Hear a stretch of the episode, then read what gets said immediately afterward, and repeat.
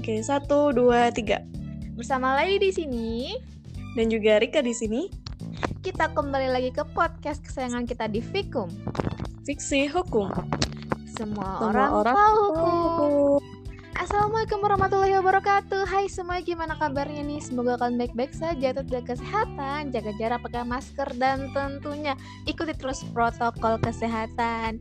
Kita kembali lagi nih ke Jumat malam ya di segmen kesayangan kita semua adalah segmen Script Suite dan kita pada hari ini akan tentunya selalu membawakan lagi mendatangkan narasumber yang sangat-sangat luar biasa. Tapi seperti biasa sebelum itu, mari kita dengarkan dulu nih jeda iklan berikut ini.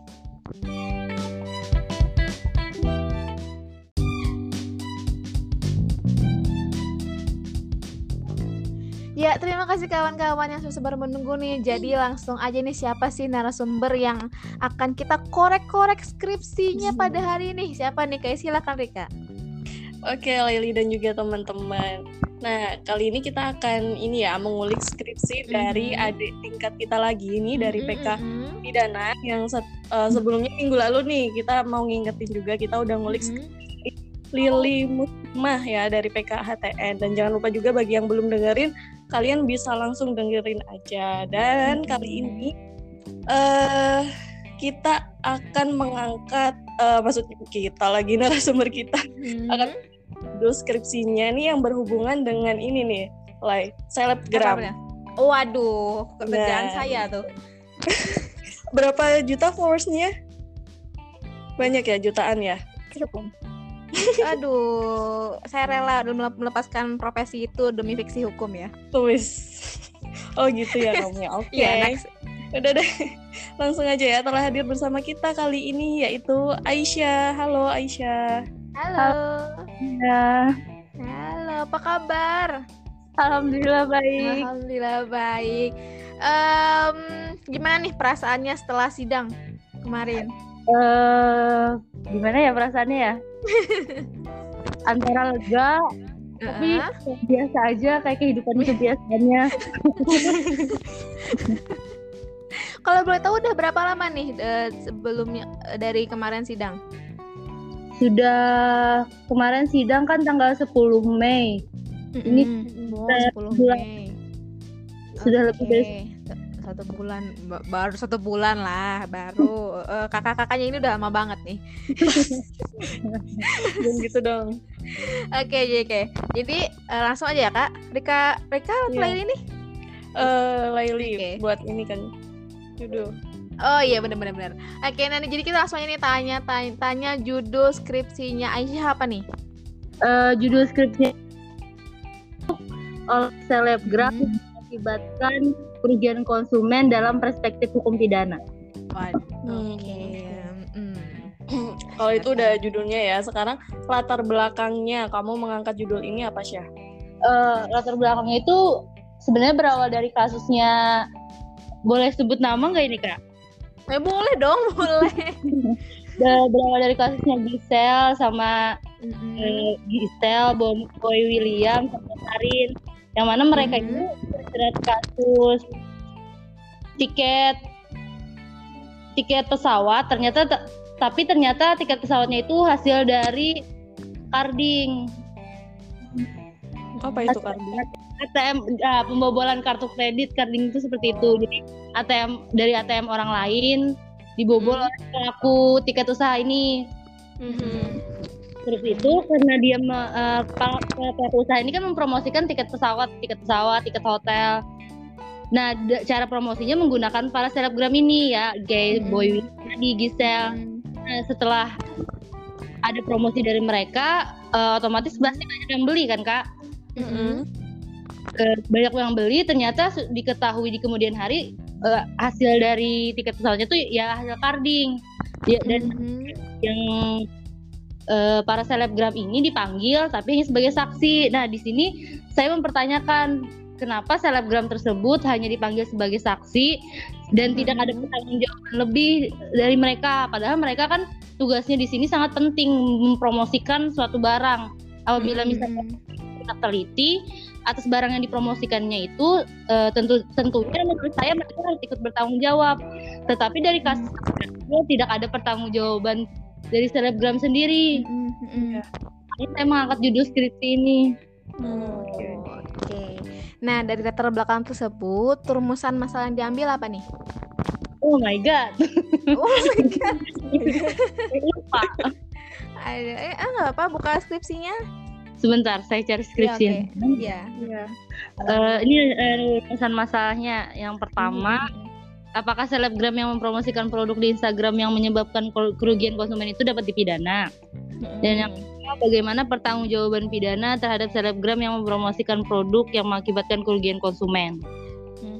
Oke, itu rumusan masalah. Eh, itu latar belakangnya ya. Eh, rumusan masalah. Lanjut nih untuk uh, rumusan masalah pertama seperti apa pembahasannya? Uh, rumusan masalah pertama pembahasannya itu saya saya uh, mengklasifikasikan selebgram ini sebagai pelaku usaha. Sebelumnya karena menurut kasus yang saya baca ke pihak yang berwenang tidak dapat menentukan uh, pasal apa yang dapat dikenakan oleh selebgram tersebut karena karena tidak ada pengaturan lebihnya kan kak. Iya. Uh, tetapi di sini saya memasukkan dari rumusan masalah masalah tadi selebgram tersebut saya masukkan ke dalam uh, se sebagai pelaku usaha periklanan yang mana di sini mereka selebgram ini mengganti peran dari perusahaan periklanan yang mana peran perusahaan peran perusahaan periklanan itu kan menyebarkan iklan mereka memberikan jasa berupa iklan nah di sini selebgram di sini uh, iklannya itu adalah endorse-nya hmm. jadi karena sudah dapat digolongkan sebagai pelaku usaha periklanan maka uh, otomatis selebgram ini terikat secara secara hukum dengan undang-undang pelindungan konsumen.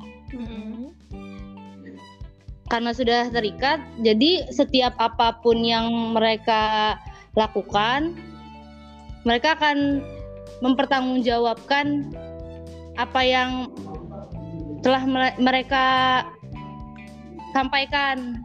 Okay. jadi patokannya uh, ke undang-undang perlindungan konsumen. Jadi tidak sembarangan lagi. Misalkan uh, kayak di sini kan saya ngambilnya pasal 10 misalkan pelaku usaha dalam menawarkan barang atau jasa uh, kemudian ditujukan untuk diperdagangkan, dilarang, men dilarang menawarkan, mempromosikan iklan atau membuat pernyataan yang tidak benar atau menyesatkan, misalkan mengenai harga, kegunaan, kondisi, kayak tawaran potongan harga, bahaya penggunaan barang dan atau jasa. Nah, apabila misalkan di dalam di dalam promosinya ternyata seperti ternyata produknya tersebut tidak sesuai, kegunaannya tidak sesuai dengan dengan barang tersebut atau tidak memiliki izin edar maka sudah dapat dikenakan. Mm-hmm. Mm-hmm. itu. Itu masa yang pertama. Uh, yang kedua? Nah ya uh, pertanggungjawaban mengenai undang-undang yang saya ambil undang-undang ITE karena selebgram di sini medianya menggunakan media sosial. Jadi lebih menggunakan undang-undang khusus yaitu undang-undang ITE yang mana di situ e, bunyinya setiap orang yang menyebarkan berita bohong dan menyesatkan yang menyebabkan kerugian bagi konsumen dapat dipidana. E, seperti misalkan selebgram tadi itu mengatakan bahwa produk ini unggul, produk ini bagus, tapi ternyata diketahui tidak ada lembaga yang benar-benar menyatakan bahwa produk tersebut memang bagus dan diketahui ternyata produk tersebut emang belum ada izinnya. Jadi di situ dapat dikatakan bahwa selebgram tersebut menyebarkan berita bohong dan menyesatkan, maka sudah dapat diberi pertanggungjawaban menggunakan pasal ITE tadi. Mm-hmm. Oke. Okay. Itu penjelasan yeah uh, penjelasan nih ya, penjelasan rumusan masalah yang kedua. Hmm. Oke, kita lanjut ke sesi tanya jawab ya kak. Mm-hmm. Mm-hmm. Untuk pertama-tama siapa nih mau yang nanya? Rika, Laili? Aku dulu ya. Oke oke sip. ya Aisyah, uh, yeah. ini kalau uh, kita lihat ya judulnya Aisyah ini ada kata-kata kerugian yang mana kan kalau kerugian ini biasanya masuk ke PMH perbuatan melawan hukum yang identik dengan hukum perdata gitu. Nah. tapi sebenarnya kan uh, PMH ini kan juga ada dalam pidana nih. Mungkin Aisyah bisa nih memberikan pengertian gitu kepada teman-teman yang belum mengetahui terkait PMH dalam hukum pidana. Uh, PMH di dalam hukum pidana mungkin saya, uh, kalau saya sendiri me mengklasifikasikan kerugian itu berdasarkan undang-undang perlindungan konsumen ya kak. Hmm. Yang mana sama aja sih sebenarnya kerugian itu berupa kerugian imaterial sama kerugian material cuma uh, kalau misalkan dipidana kerugiannya tersebut lebih besar cakupannya kalau misalkan kalau perdata itu kan lebih per orang mm kalau pidana ini lebih besar cakupannya konsumennya itu lebih lebih banyak Mm-mm. itu sih mm. perbedaannya kurang lebihnya Hmm, kalau PMH perdata berarti lebih ke privat ya, tapi kalau PMH pidana lebih ke umum ya. Ya. Luas. Hmm. Oke. Oke. Oke. Uh, giliran lagi lah ya. Tadi kan um, judulnya ada menyangkut masalah selebgram nih. Mungkin mau nanya ke Aisyah kenapa mau mengambil kata selebgram? Kenapa nggak artis atau seleb TikTok misalkan atau seleb-seleb yang lain? Kenapa harus kenapa memilih selebgram? Uh, sebenarnya kalau mis kalau misalkan kayak uh, artis yang melakukan promosi iklan itu biasanya kita sebut influencer kan kak? Cakupan media sosialnya lebih luas. Cuma kenapa jadi lebih jadi lebih selebgram karena zaman sekarang orang pasti banyak lebih banyak membuka Instagram. Mm-hmm. dan di Instagram sendiri masih masih tidak ada aturannya juga. Karena kasus yang saya saya ambil kan dia mempromosikan produknya itu di Instagram. Jadi kayak mm-hmm. lebih fokus ke Insta- Instagram aja daripada mm-hmm uh, misalkan saya ambil influencer lebih luas lagi hmm. Nah bener banget oh. tuh ya kan Kita kan sering nih menggunakan Instagram Kita buka-buka scroll-scroll explore di Instagram Pasti entah hmm. sengaja ataupun nggak sengaja Pasti kan ketemu nih selebgram-selebgram Yang mempromosikan suatu produk atau barang yang kan Yang entah mungkin karena kadang kita suka beli itu kadang cewek tuh biasanya kan nih suka nih cantik ih beli ah gitu biasanya sangat-sangat. Karena pengaruh selebgram sekarang pun ya sangat-sangat besar nih mempengaruhi para uh, para fansnya atau para penggemarnya seperti itu. Ya, ya udah itu aja. Iya ngomong-ngomong masalah. Selebgram ini kira-kira di kita ada nggak sih aturan yang menyebutkan bahwa uh, kedudukan selebgram itu itu sebagai pelaku usaha gitu? Dan dalam kayak mempromosikan suatu produk atau mengiklankan itu mereka bisa berpedoman pada aturan itu. Kira-kira ada nggak sih kode etiknya lah ya ininya bahasanya?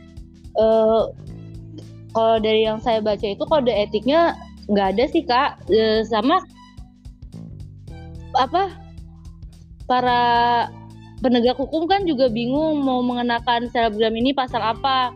Hmm. Cuma setelah lebih diteliti lagi, selebgram tersebut ternyata bisa masuk dalam pelaku usaha periklanan. Hmm, hmm, hmm. Karena ja, apa produk yang mereka ap, jual itu berupa jasa mereka sebagai seorang selebgram. Hmm. Hmm. Iya, mungkin karena ini ya dunia periklanan ini semakin maju, jadi kayak istilah-istilah itu nggak ada gitu ya dalam aturan kita. Iya, tidak ada. Belum, belum ada mungkin ya. Iya, belum ada. mungkin ke depannya segera ada. Amin. Mm Ya kan kita kan sering ini ya, sering lebih dengernya produsen, konsumen ya daripada selebgram dan konsumen. Gitu mungkin jarang ya antara uh, hubungannya selebgram dan konsumen tersebut. Nah, uh, misalkan tadi uh, promosi produk oleh selebgram yang mengakibatkan kerugian konsumen dalam dah yang mengakibatkan kerugian konsumen gitu kan. Maksudnya ya. apabila terjadi kerugian ini uh, konsumen itu apakah melaporkan selebgramnya ataukah ke produsennya langsung? Melaporkan uh, selebgramnya atau produsennya langsung gitu? Menurut saya karena yang dilihat oleh konsumen ini kan mereka membeli dari selebgram tersebut kan. Mm-mm. Jadi mereka bisa melaporkan selebgram tersebut. Misalkan selebgram tersebut mengelak kalau misalkan bukan saya yang menjual karena ada yang menjual ada yang produsen lain itu dapat digolongkan ke kasus yang berbeda. Mm-mm. Selebgram dapat dikenai denda misalkan hukum kalau misalkan dari saya lebih denda pidana untuk selebgramnya karena sudah menyebarkan berita bohong, belum mencek cross check benar atau tidaknya barang tersebut. Untuk produsennya sendiri memiliki kasus yang lain, misalkan ka- ternyata kena kasus penipuan. Bisa aja si konsumennya itu lebih dulu melaporkan si selebgram. Mungkin dari pihak yang lebih berwenang akan mencari tahu lagi di selebgram tersebut dapat dari mana. Itu. Oke, nah kalau ini masalah tanggung jawab tadi ya sebenarnya tanggung jawab yang lebih besar itu ada pada siapa sih produsen kah atau konsu- atau selebgramnya ini kalau dilihat?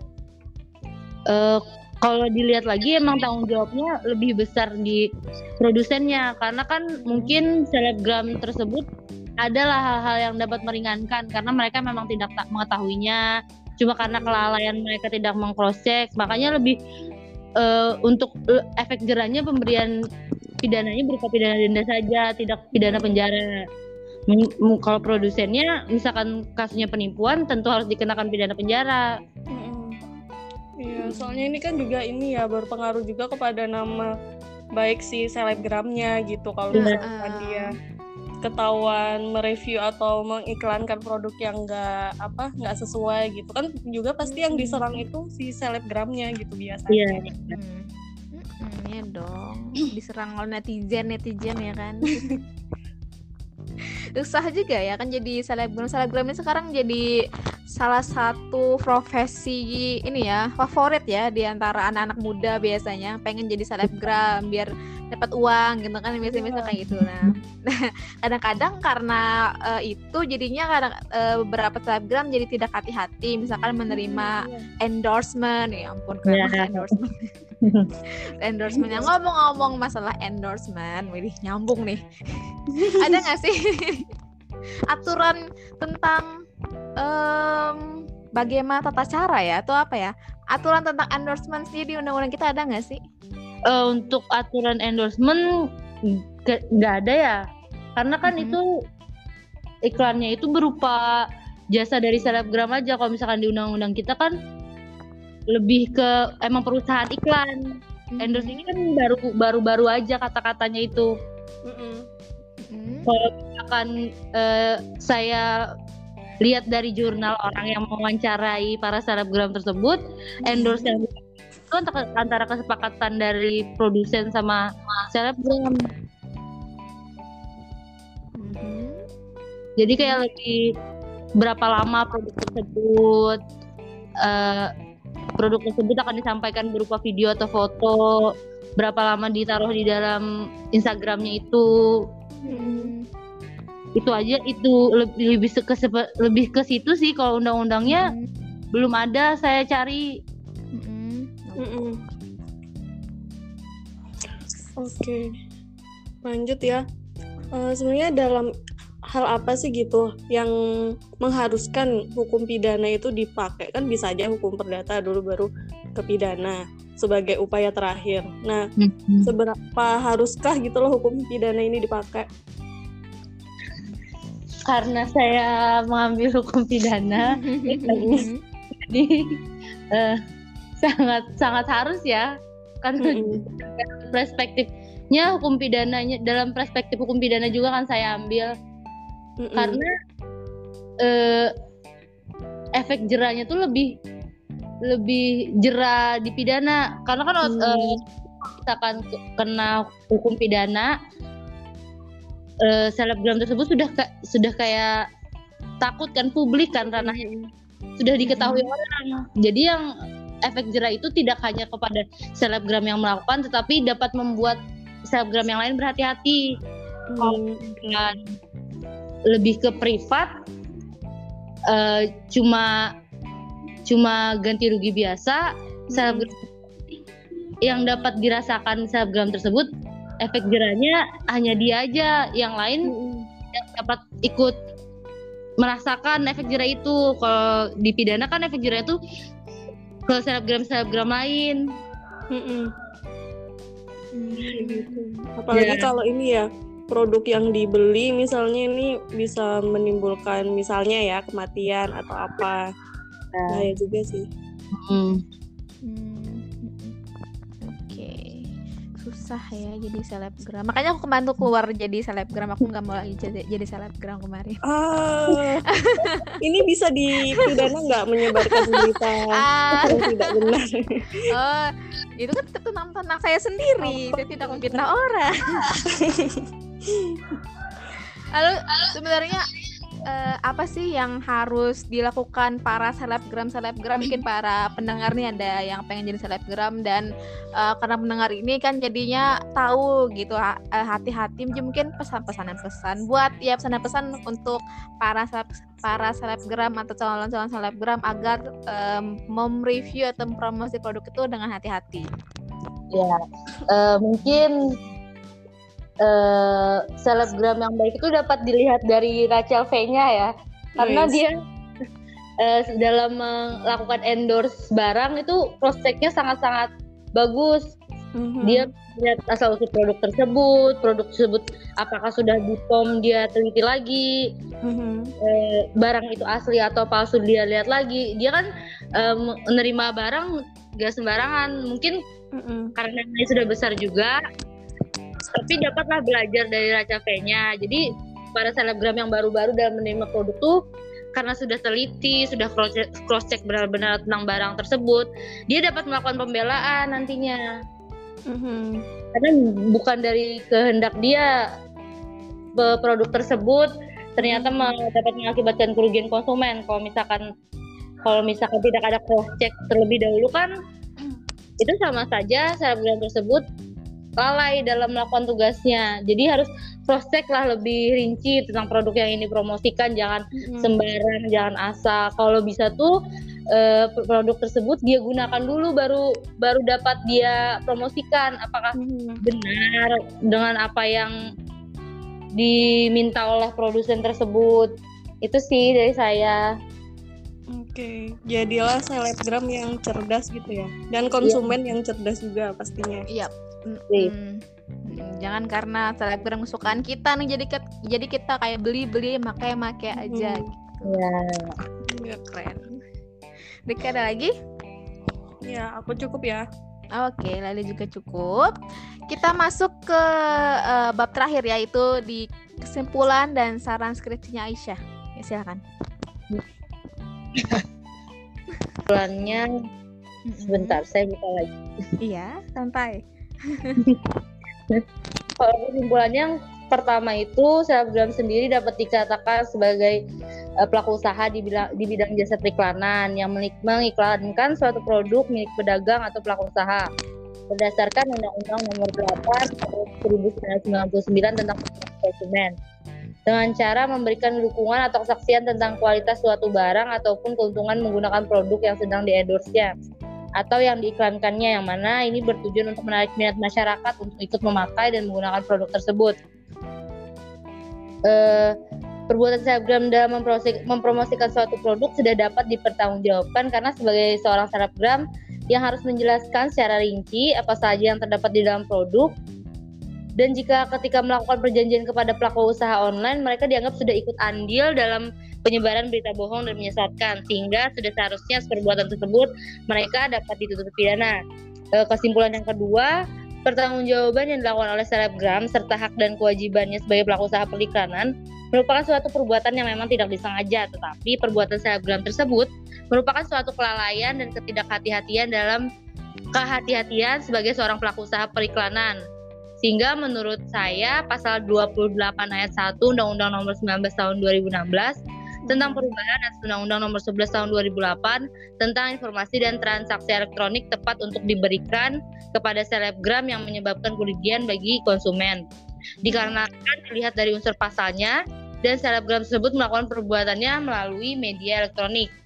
Kemudian saran saya yang pertama, selebgram tersebut dapat digolongkan sebagai pelaku usaha periklanan sehingga para selebgram mengetahui hak dan kewajiban yang akan dilakukannya sebelum melakukan promosi produk. Yang mana selebgram tersebut sebagai usaha sebagai pelaku usaha periklanan dapat berpatokan kepada Undang-Undang Nomor 8 Tahun 1999 tentang perlindungan konsumen. Eh, sehingga dalam melakukan suatu promosi produk agar dalam mengiklankan suatu barang dapat berhati-hati dan membantu mengurangi kerugian konsumen yang mana iklan yang seharusnya dilakukan oleh para selebgram tidak boleh memuat kata-kata yang berlebihan kecuali didukung oleh pembuktian keunggulan dari barang tersebut serta didukung oleh hasil penelitian yang dilakukan oleh lembaga independen.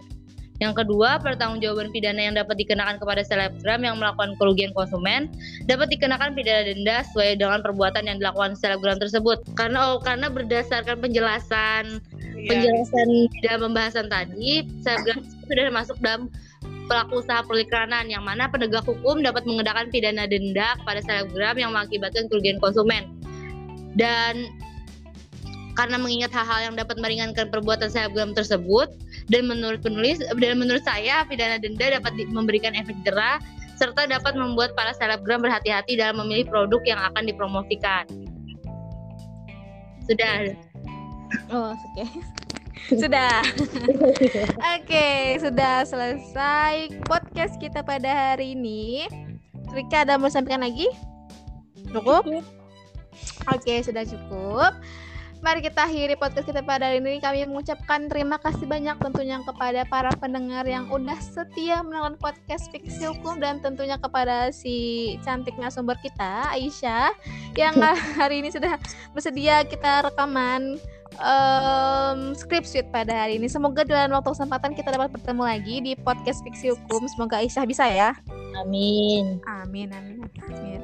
Dan kami juga bertiga mohon maaf sebesar-besarnya apabila selama kami berpodcast ada salah-salah kata dan perbuatan. Sebelum kita ini ya, sebelum kita closing, aku mau uh, promosi buat kalian semua. Nih kan di Spotify ada aplikasi baru ya namanya itu adalah Spotify Green Room. Jadi di situ kita bisa ngobrol secara langsung ya secara langsung bersama host-host dari fiksi hukum. Jadi kalian silakan aja uh, install Spotify Green Room.